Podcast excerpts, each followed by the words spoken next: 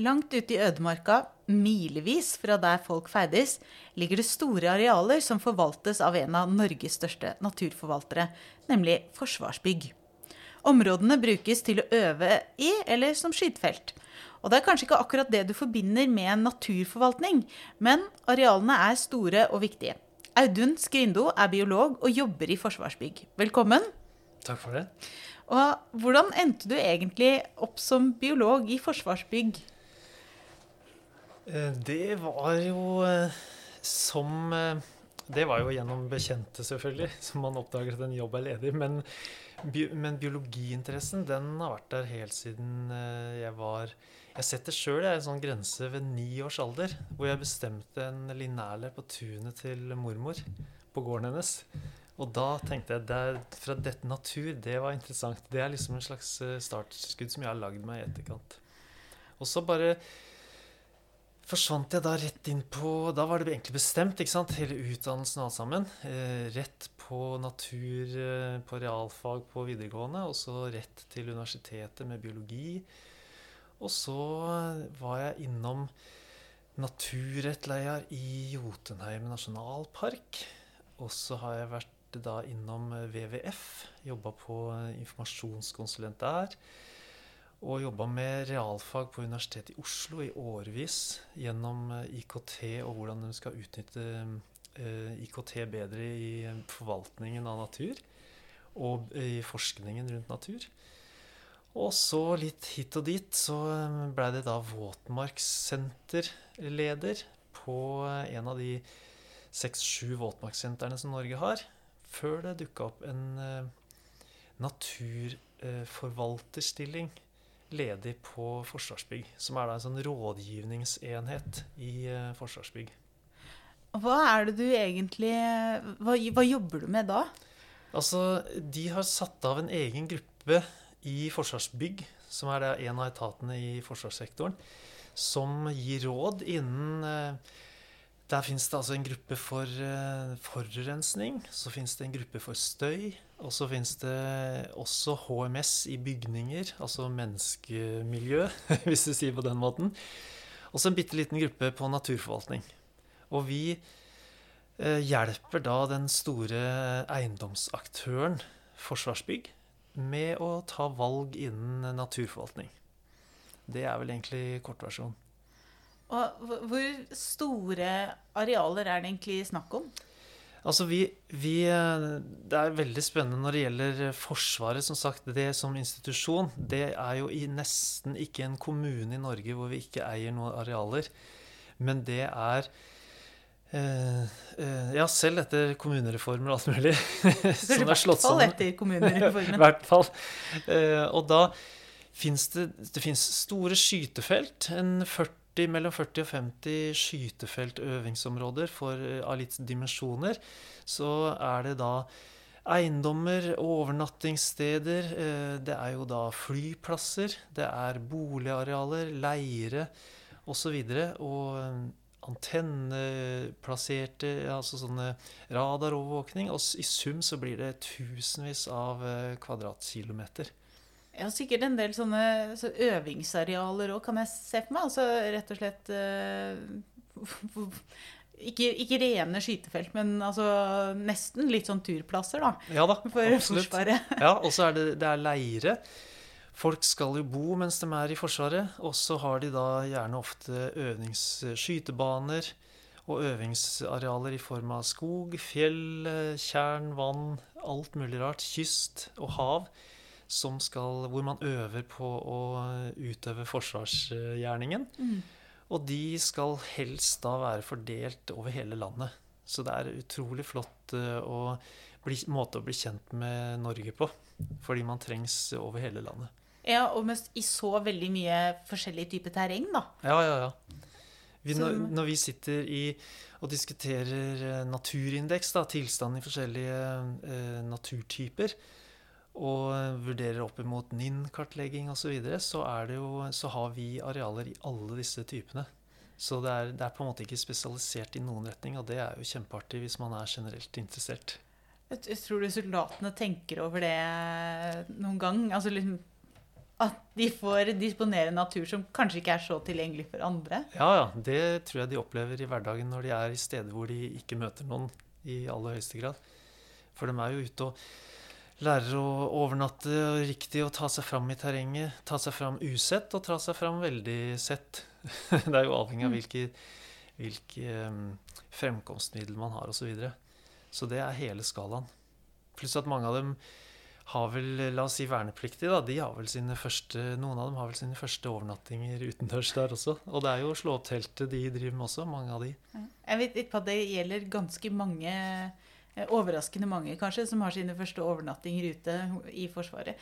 Men eh, hvordan eh, Når Forsvaret har ansvaret for, eller Forsvarsbygg da, har ansvaret for så store og varierte naturarealer, altså har de noen plan for liksom eller strategi for hvordan de skal ta vare på disse områdene?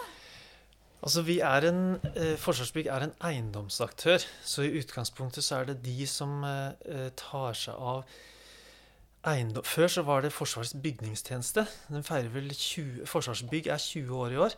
Mm. Det ble oppretta i 2002, og det var bare en sånn videreføring av eh, Forsvarets bygningstjeneste.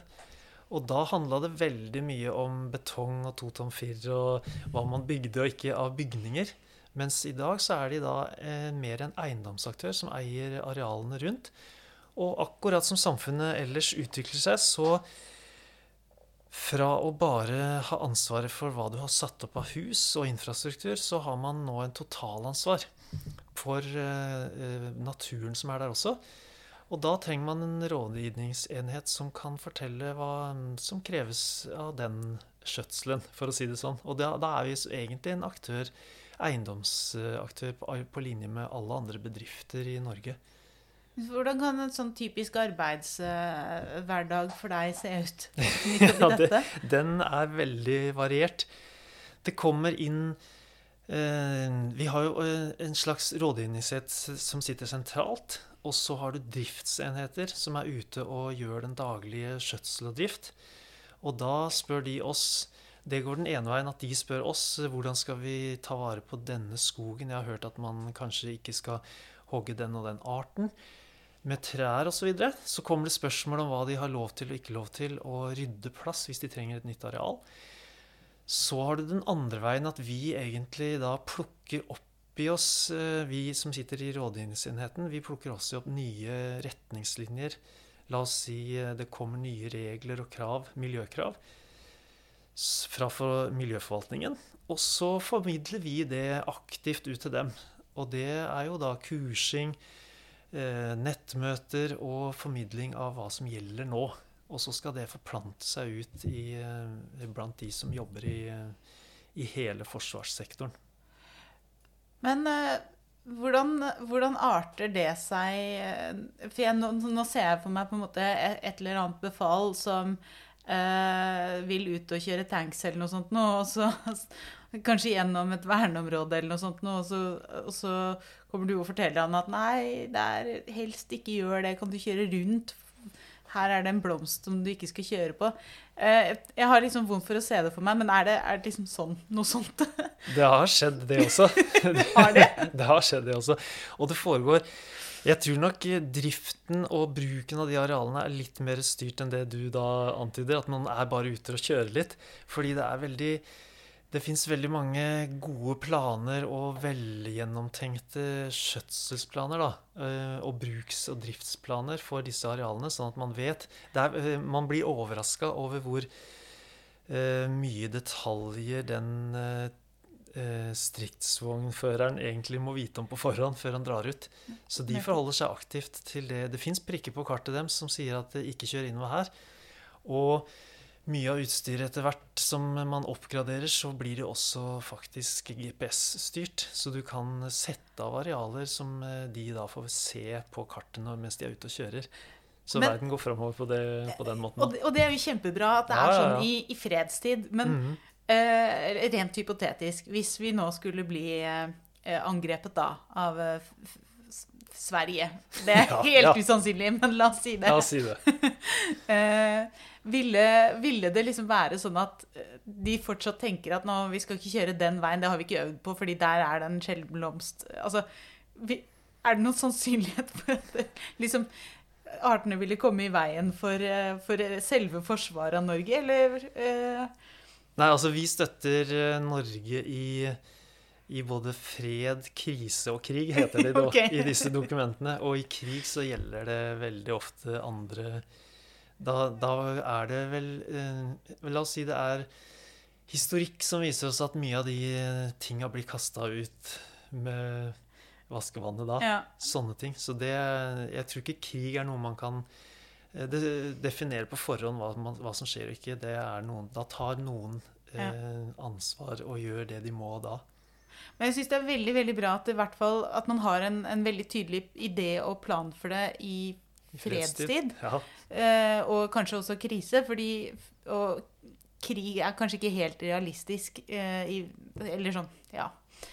Nei, det blir vanskelig å forholde seg til. Ja, nettopp. Men det er derfor jeg mener det er viktig å fokusere på det med eiendomsaktør. Mm. Fordi alle eiendomsaktører, alle eiere i Norge har jo ansvar for den naturen de eier, der de eier noe. Akkurat som du har bygninger som skal tas vare på, så er det da vokst fram mye mer holdning nå. Det er mye mer gjennomgripende i våre miljøstrategier osv. At man eier også den eh, naturen som den bygningsmassen står i.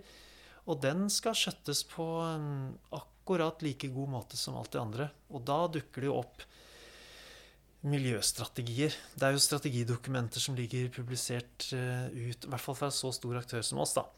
Som følger opp det både Norge mener om, eh, om eh, miljø, og det EU Vi følger jo EU-regler også. Og tar opp i oss alle de retningslinjer som samfunnet ellers eh, sakte, men sikkert tar inn over seg. Pollineringsstrategi da, Altså, Forsvaret ja, ja. har en egen pollineringsstrategi. Absolutt. absolutt. Sånn at, fordi vi sitter i disse tverrsektorielle arbeidsgruppene.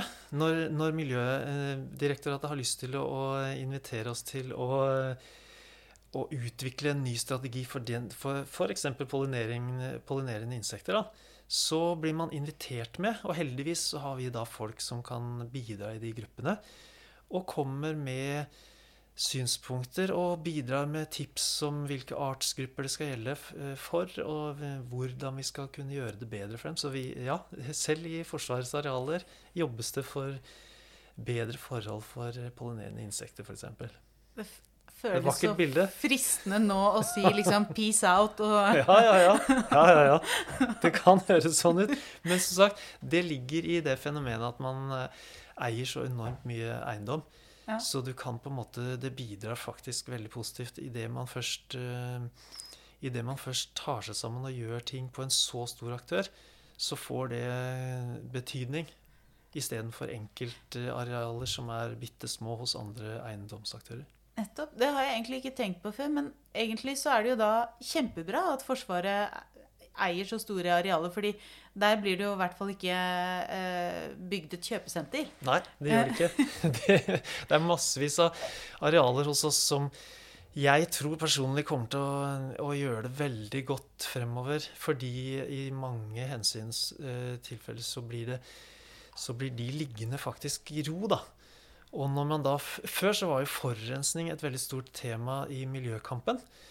Men når man har fått uh, rydda vekk noe av det, så viser det seg da sakte, men sikkert at det er faktisk arealendringer og arealødeleggelser som er vel så stor trussel. Og da, hvis det viser seg at det ligger så mange kvadratkilometer eh, som, eh, hvor man er restriktiv mot å bygge ut i noen grad, så vil det bli eh, verdifulle områder i framtida. Det er jo ikke bare det. altså fordi noen av disse arealene, der står det vel kanskje sånn Ikke gå inn her. Dette er Forsvarets eiendom. Og i mitt hode så er det sånn da hvis jeg hadde møtt på et sånt skilt, så hadde jeg snudd. I frykt for å liksom vandre uvitende inn i et skytefelt eller Ja, et eller eller ja, ja. annet. Eh, Så jeg tenker at de arealene får jo kanskje ligge mye mer i fred enn enn, eh, kanskje til og med enkelte nasjonalparker. Ja da, absolutt. Men jeg tror du blir også overraska over at det fins mange ferdselsmuligheter i Forsvarets arealer òg. Du, du vil bli overraska over hvor åpent noe av det er. Men eh, selvfølgelig er det eh, både merka og skilta, og, kan, eh, og lokalbefolkning vet jo alltid hvor, hva slags signaler Det fins jo sånne merkesignaler som sier at her er nå, her er det aktivitet osv. Og de er også merka på norgeskartet. Så du veit, eh, hvis du er våken, så vet man at man er i et skytterfelt. Men, eh, men for all del, Jeg håper er at mindre man ikke må være vå Nei, våken. Du, du, blir, eh, du blir sagt ifra ved hjelp av skilting. Det gjør det. Godt. Men det er faser på tider på året hvor det er ledig. Så du nevnte jo bærplukking og sånt nå. Mm. Det er fullt mulig å gjennomføre flere steder. For det er ikke Det ligger ikke masse forurensning, skummel forurensning rundt på bakken bare fordi det er et skytefelt. Mm. Det er mye mer kontrollert og regulert enn en det. Nettopp. Og det, det, det vil kanskje være størst problem hvis det er noen av soldatene Det er kanskje et større HMS-problem, rett og slett. eh, Eller enn eh, et miljøproblem. Det vet Ja, jeg ikke. jo da.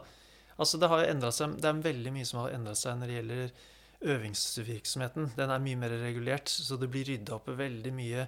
Det er jo en av de tre satsingsområdene forsvarssektoren jobber med. Det er jo da å eh, rydde opp i gammel eh, forurensning. Det merker man jo at det, eh, at det har blitt sløst og sølt litt her og der. Fra, da snakker vi langt tilbake i tid. Det er et stort problem. Og så er det blitt eh, satsa mye mer på at klimaavtrykket skal ned. Og så kartlegging. Det er, og det er jo egentlig noe av det jeg eh, bruker mye tid på. Å faktisk dokumentere hva vi har, sånn at vi kan eh, vite hva vi skal eh, beholde. Og det er den naturen som vi snakka om i stad, som du tenkte på at den Faktisk så er det massevis av eh, fantastisk natur her, som bare man får kartlagt litt og registrert hva som egentlig er der, så er det bare å la det ligge. Ja? Akkurat sånn som det ligger. La Forsvaret beholde det. ja, ja, ja. ja, ja, ja. Og det, ja, beholde det. Apropos det, det har jo blitt solgt ut. Det der endrer seg jo litt med eh, hva skal vi si klima for eh, konflikter i verden. da. Det har jo vært trenden i mange mange år nå å selge og selge og selge. Og gjøre om eh, eiendommer til eh, teknologisk moderne forsvar.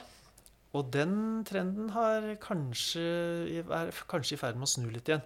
Nå som konfliktnivået eh, kanskje går noe opp, enkelte deler av vår region i verden, så merker vi at det er mer eh, behov for å beholde noe av det igjen. Så det der, eh, vi på naturforvaltning, vi må bare forholde oss til hva som blir vi, vi ser de polygonene som fins, vi på kartet, og besøker de mer enn gjerne for å se hva som er der. Det høres ut som en veldig deilig jobb, da. Fantastisk. Eh, og bare ja, så kartlegge på noen av, noen av de kanskje litt Hva skal jeg si eh, Ja, fjerneste stedene. Bortgjemte små steder og, og store kjente steder, men som det da naturlig nok har vært veldig få biologer fra før. Mm. Det er jo kjempespennende. Det er huller på kartet.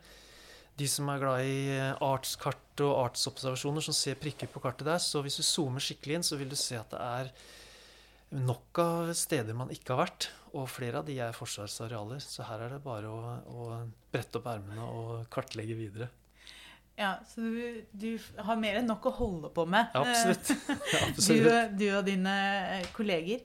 Men du har jo vært litt grann inne på det. Men hva slags påvirkning er det egentlig militær aktivitet typisk har på, på natur?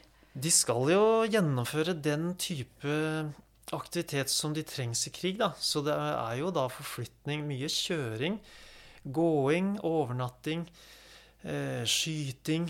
Eh, det må jo skytes både fra, fra bakke til bakke, altså bomber og stridsvogner osv. Og så skytes det fra lufta. Eh, det skytes i sjø. Og da er det flere ganger hvor det ikke nødvendigvis er Man skyter, trenger ikke skyte med skarpt alltid. Og det har jo eh, moderne teknologi har blitt at man kan øve med laser istedenfor å skyte faktisk noe prosjektil i hele tatt osv. Så, videre. Så det der er en, egentlig en rivende utvikling. Men du kommer ikke unna at folk må ut. Så det er jo gåing, overnatting, og da tipser vi dem om eh, dropp den myra der. Eh, hopp, hold, eh, hold dere unna dette flotte her er det noen sjeldne lav- og mosearter osv., så, videre, så kan vi merke av det på kartet. Og så tar de hensyn til det. Og så blir det noen ganger viktig å det, det er, vi- Vi opplever at vi blir uglesett fordi hver gang vi kommer på banen, så opplever de at det blir satt noen flere restriksjoner på kartet.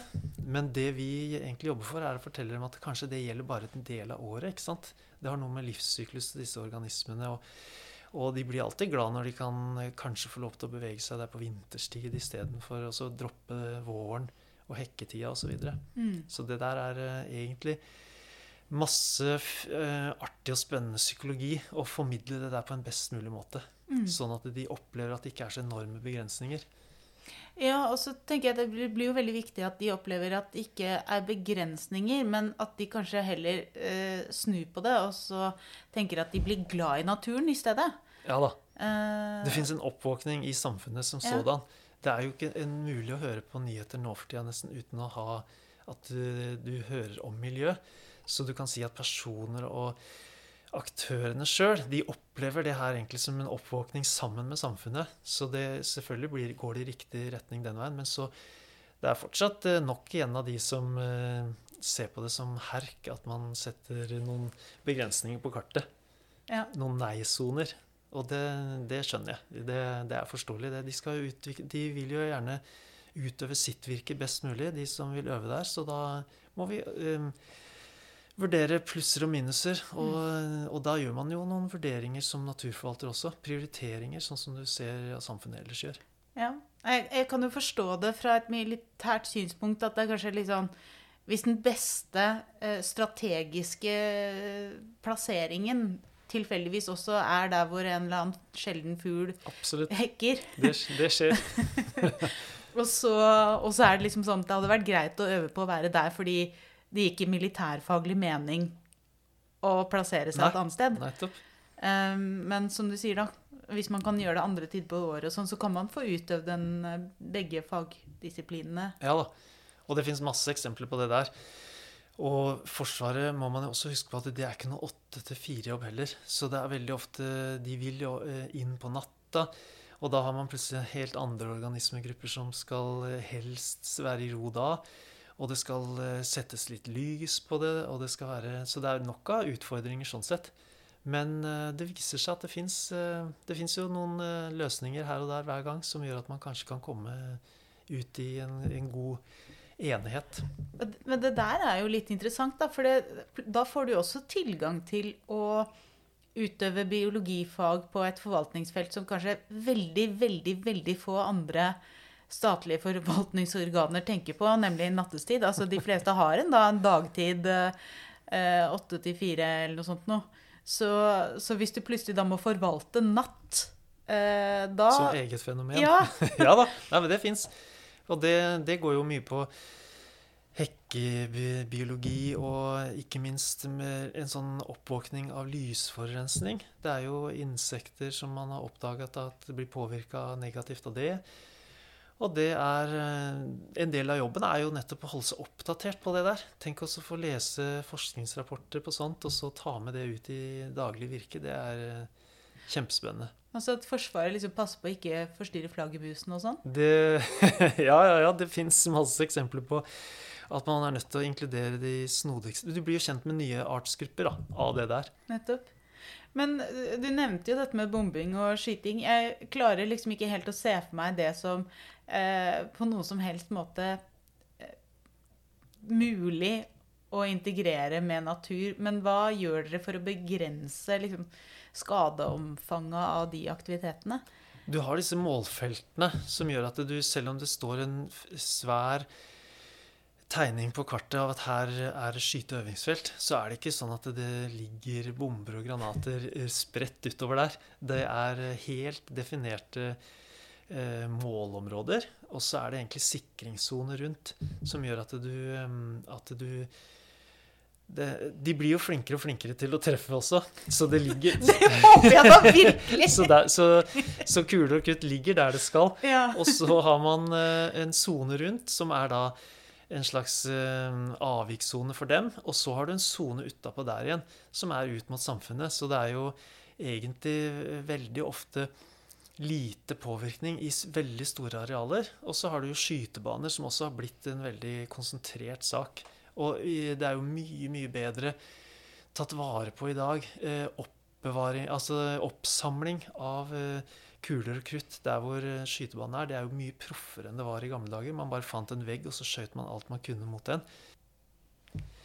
Men vi er jo overhodet ikke der i dag. Nå handler det mer om å lage voller, f.eks., som samler opp eh, kuler og krutt. Sånn at man kan få tak i det i etterkant og rense det ut. F.eks. ved at man eh, fysisk eller kjemisk får tak i de materialene og rensa det ut igjen. Forsvaret driver rett og slett og rydder opp etter seg sjøl på skytebanen og i bombefeltet. Absolutt.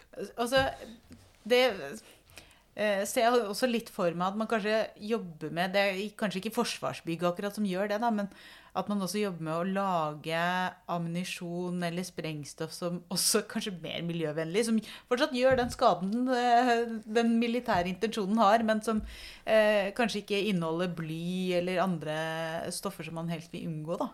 Altså, Norge er jo en ammunisjonsprodusent, så det er jo masse debatt eh, som foregår rundt det. Men det og utvikling, teknisk utvikling, men det, det er på en måte en helt annen side av saken som ikke vi kommer borti. Vi forholder oss til eh, eh, miljøkjemien i det. Så vi har ikke noe påvirkning på hva som fins i, i kuler og krutt. Men det, men det, er definitivt en opprydding mer av det som fantes fra før, som var verre forurensning. Ja, rett og slett eh, gamle, gamle synder. Ja da. Eh. En av de vi jobber mest med, det er PFAS, disse veldig bestandige materialene som egentlig var eh, brannskumrelatert. Det ble brukt på flyplasser og andre steder hvor man drev med brannøving.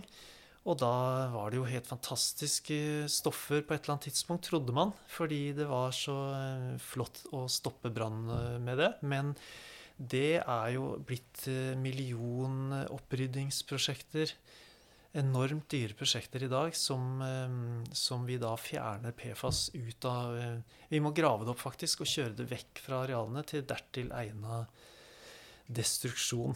Så det er jo en enorm jobb som eh, samfunnet har i dag. Såpass. Så det er opprydding. Men det er jo godt å høre at, at det også er en, en sånn, et punkt som, som Forsvarsbygg som naturforvalter også har. Men du nevnte jo dette med kjøring på et tidspunkt. Altså jeg ser for meg at det, det, når det er eh, Nato-øvelse, og man flyr inn eh, personell fra store deler av verden for å være med og kjøre, kjøre i norsk natur, ja, ja, ja. Så, så, setter du jo et visst avtrykk. Altså Har du flere eksempler på Ja, det, det, blir gjort enormt mye arbeid mange år før øvelsen starter, hvor man diskuterer på regional, altså nasjonalt nivå først, og så diskuterer man kanskje på Norden-nivå hvor man skal være, hvor, eh, hva som skal være lov og ikke være lov. Og så kommer Nato inn. Så lenge før det kommer på Dagsrevyen at det foregår en øvelse i Norge, så er det planlagt ned i minste detalj hvor man skal kjøre og ikke kjøre. Selv om det da noen ganger selvfølgelig blir en jobb i etterkant hvis det gikk litt skeis, at de kjørte et sted de ikke skulle. Men det er jo det er da en egen prosess i etterkant hvor man reparerer. Og det er landbrukssektoren. Henter opp fregatter og Ja, for eksempel. Det skjedde i fredstid, da. Men, men, det var, men, det var, på vei hjem fra øving.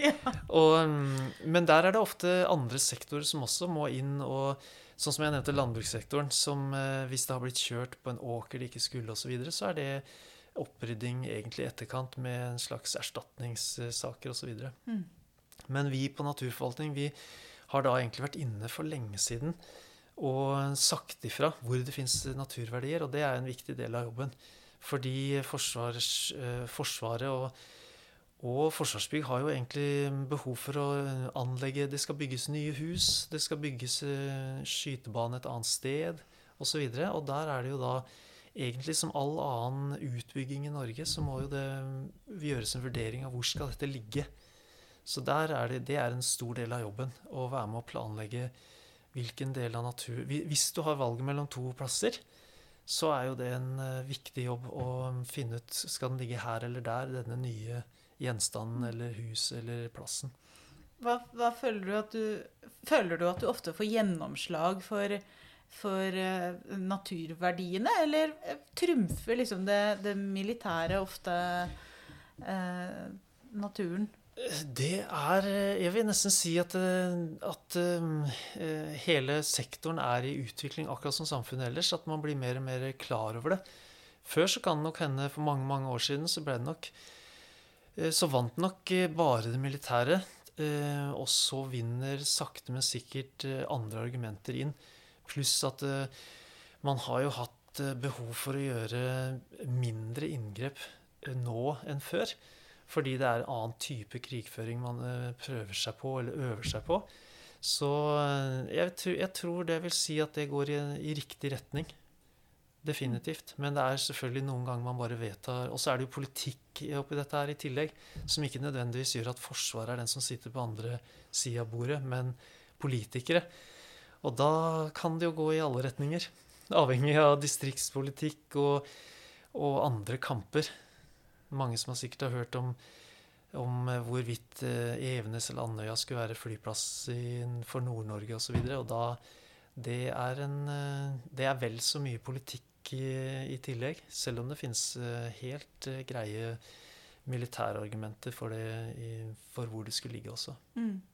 Men var, var, natur og miljø en del av, det, av, av den vurderingen også, eller? Ja, altså målsettingen for forsvarsbygg som sådan, er å, eh, det er å gjøre nå miljøbevisste valg i, i, sin, i, sine valg. Så det inngår som et punkt i alle, alle vedtak, sånn som strategien er lagt uh, for Forsvarsbygg nå. Absolutt. Mm. Så det kommer inn. Du har jo vært inne på ulike typer uh, forurensning. Eh, og du nevnte også lys, men, eh, men, hva med støy? Ja, det er en eh, Altså, mange tenker på Når de tenker på Forsvaret, så tenker de med smell og krasj og bom. bomber og alt mulig. Og det er en del av saken, det. Så, det. så, de gangene det blir valgt et sted man skal øve, så blir det også gjort store utredninger omkring hva slags støy Det blir tegna opp støysoner og kartlagt hvilke av naboene som vil bli påvirket av det.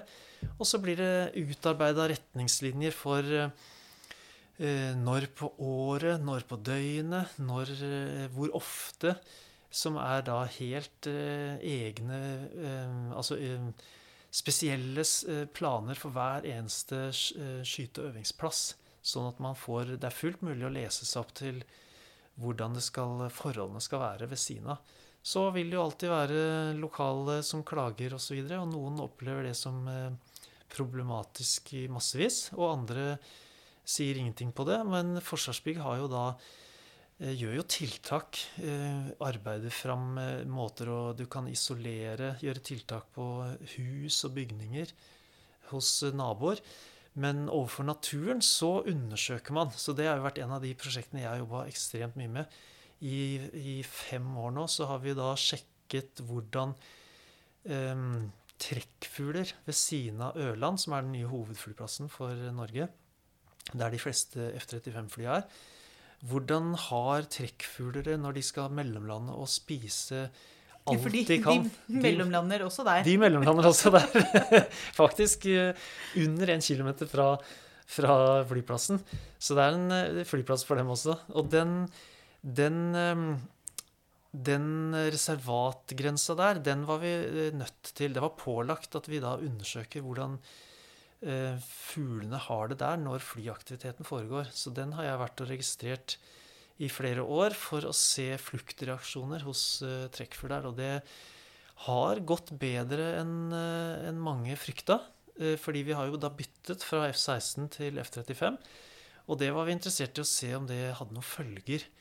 Og det viste seg vel egentlig, tallene sånn som vi ser nå, viser seg at det har gått veldig bra.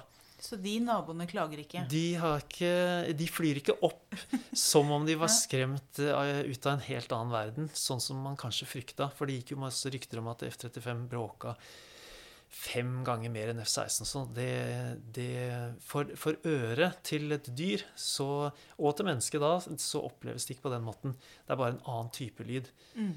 Det er ikke sant at det var, at det eh, var fem ganger så mye lyd. Så det, det, er sånne ting som vi da også må jobbe med i naturforvaltninga, og undersøke følger av det vi driver med. Så det har vært, eh, det har vært kjempespennende. Men betyr det at, at de dyrene og fuglene som på en måte befinner seg i nærheten her, da, egentlig lever ganske greit med at det er en sånn, sånn type flyplass rett ved siden av? Ja, i hvert fall sånn som den uh, avstanden der viser seg tydeligvis å være stor nok da, til den flyplassen, til at de ikke opplever det som, uh, det som grusomt. og så er det jo veldig skille på trekkfugler og standfugler. De som, fuglene som bor der, de har, sånn som vi tolker det, og ser det og opplever det, eh, null problemer med det. Mens en trekkfugl som lander der, kanskje aldri har vært der før, og skal bare spise alt den kan et døgn, og så dra videre, det er de vi var nysgjerrig på om egentlig fløy av gårde som om eh, det var Armageddon, liksom. Og det skjer ikke. Så det er det vi baserer på. De sitter på bakken og rusler rundt og spiser akkurat som de andre fuglene. Selv, selv, om det tar av et fly ved siden av, f.eks. Mens det er jo da skyting og når, når, du snakker om bomber og skudd, som også er høy lyd det Hørselsskader hos dyr og sånn, det har vi ikke kartlagt. Det Nei. er vanskelig eh, Da må man ned på individnivå. Og det Hvis man bor helt inntil eh, Altså, der, der beskytter egentlig HMS-en til samfunnet vel så mye Eh, eh, dyra som menneskene. Fordi man vedtar jo grenser for hvilket lyd som skal være lovlig. Og det har jo vært en del av debatten når det gjelder F-35. At den ikke skal eh, Altså, mennesker blir jo passa på i kraft av hørselsskader. Og den eh, Så må man da bare ta for gitt at det også Når man da setter restriksjoner på det, så blir det bedre for, for dyra der også. Mm. Ja. Det er jo bra at det blir tatt hensyn til. Eh, men jeg tenker jo at det er vanskelig å gjøre krig og krigføring og det å øve på krig og krigføring eh, miljøvennlig, men at man i hvert fall begrenser Ja da. Det er et veldig vanskelig skille der. Ja. Så det, det, er, det, er, jo mye, mye eh, snillere og mindre omfang det man driver med i fredstid, enn mm. eh, en i krig. Så det blir en, vanskelig å sammenligne de to.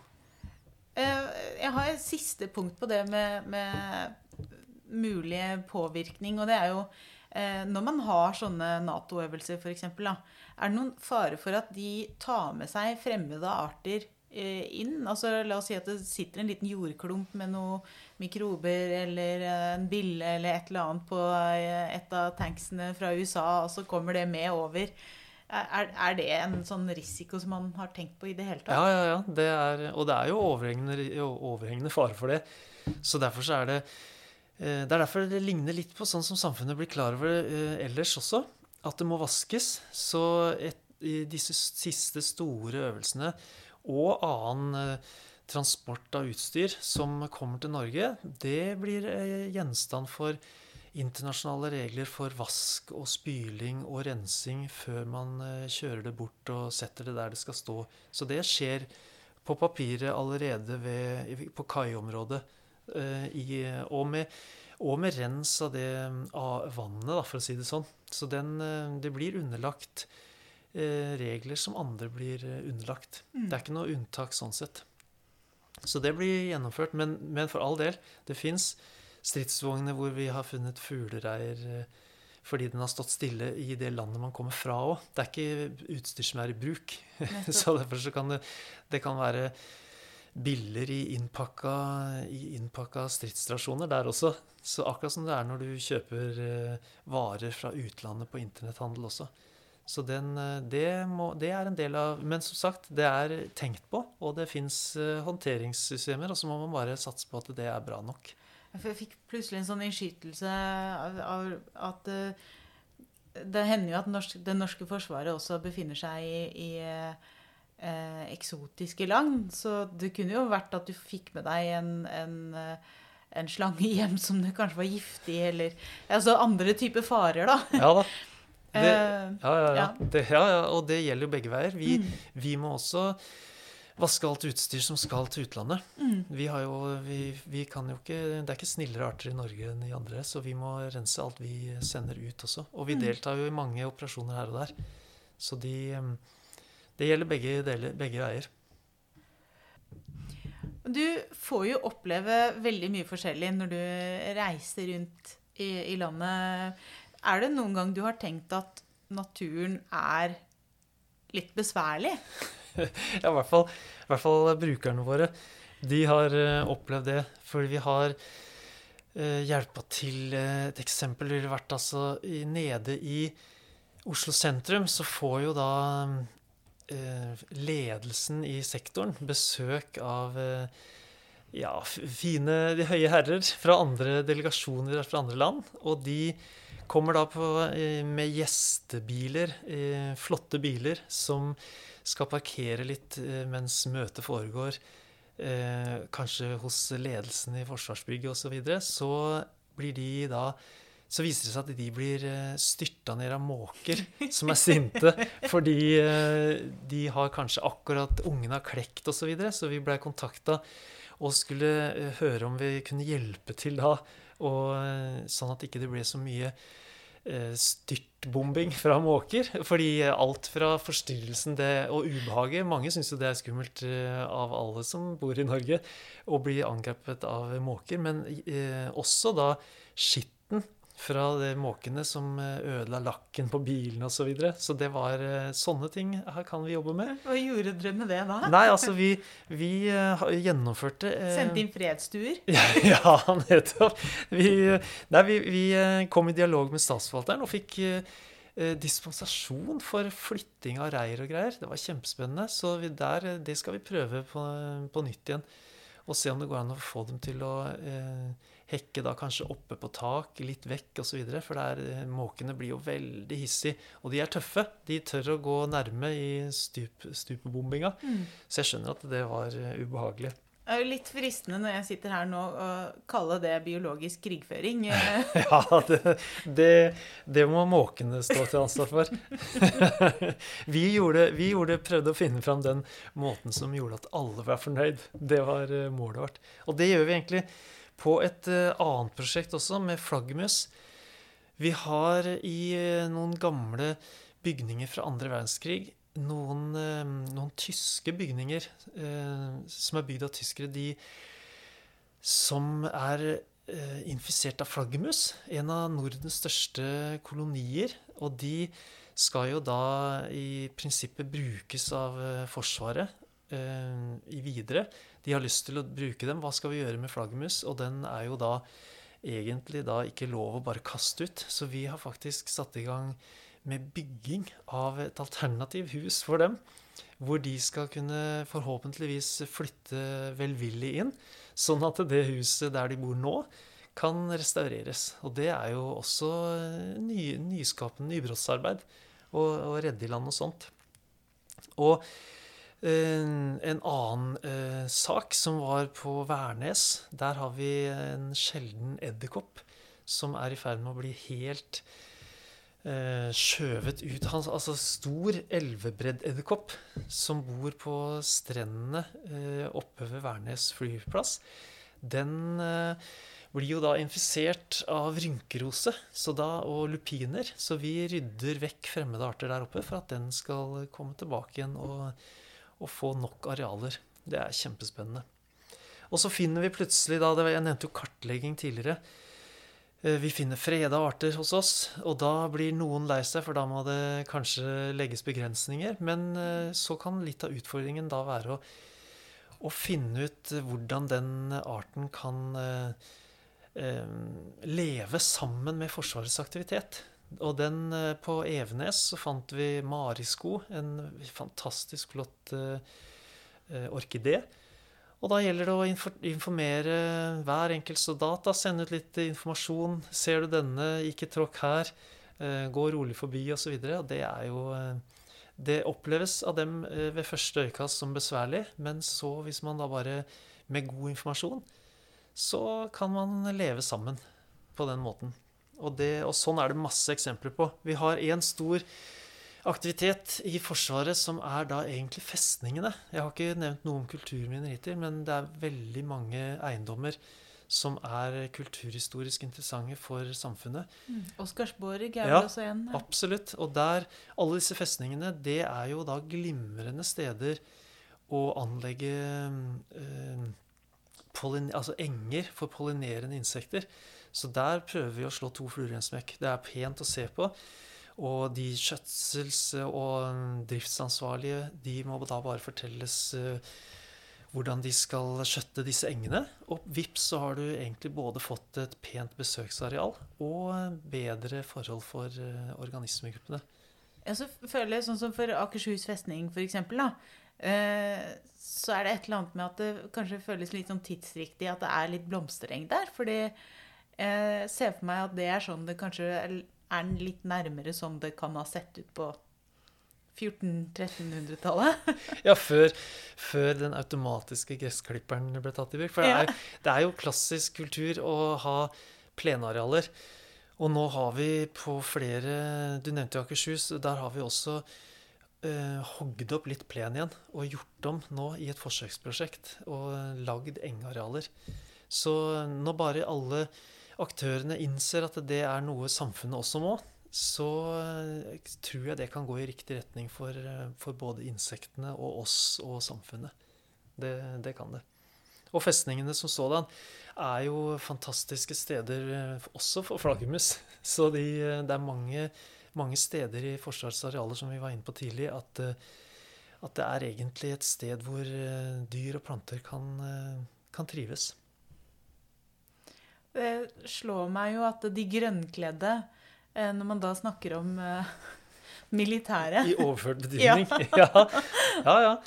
Det, det, vi, i, I og med at det er så åpent hva man skal gjøre og ikke skal gjøre, så er det bare Dette er egentlig et sted for å tenke fritt og komme på gode ideer innen naturforvaltning, og så bare prøve å utnytte det til beste for, for alle parter. For det går an å kombinere. Det viser seg gang på gang at eh, alle må bidra her og komme med gode ideer, og så bruke de arealene vi har. Jeg kjenner at jeg ble litt sånn eh, glad for at Forsvaret eh, er i besittelse av stå store arealer, og kanskje liksom merke med 'ikke gå her', eh, sånn at de arealene også får stå litt i fred, og at det er så grundige planer da, ja.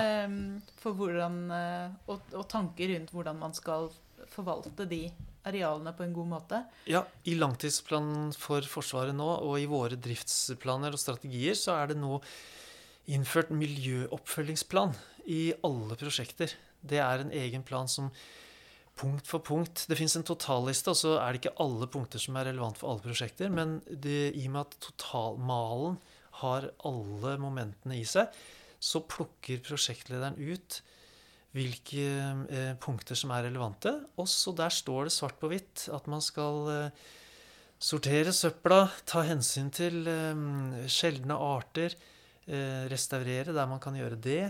Og så har du hele pakka som gjør at man skal kunne gjennomføre bedre miljø i prosjektene. Det, og det ligger i, i strategien, og det, det, akkurat det der går i virkelig rett, i riktig retning. Det høres veldig veldig lovende ut. Tusen takk, Audun, for at du tok deg tiden eh, til å komme hit til Biopoden. Bare hyggelig. Og ellers så vil jeg bare minne om at uh, hvis du har noen gode forslag og ideer, så er det jo bare å sende oss en e-post eller uh, ta kontakt på Facebook på Norsk biologforening. Og da gjenstår det bare å si vi høres.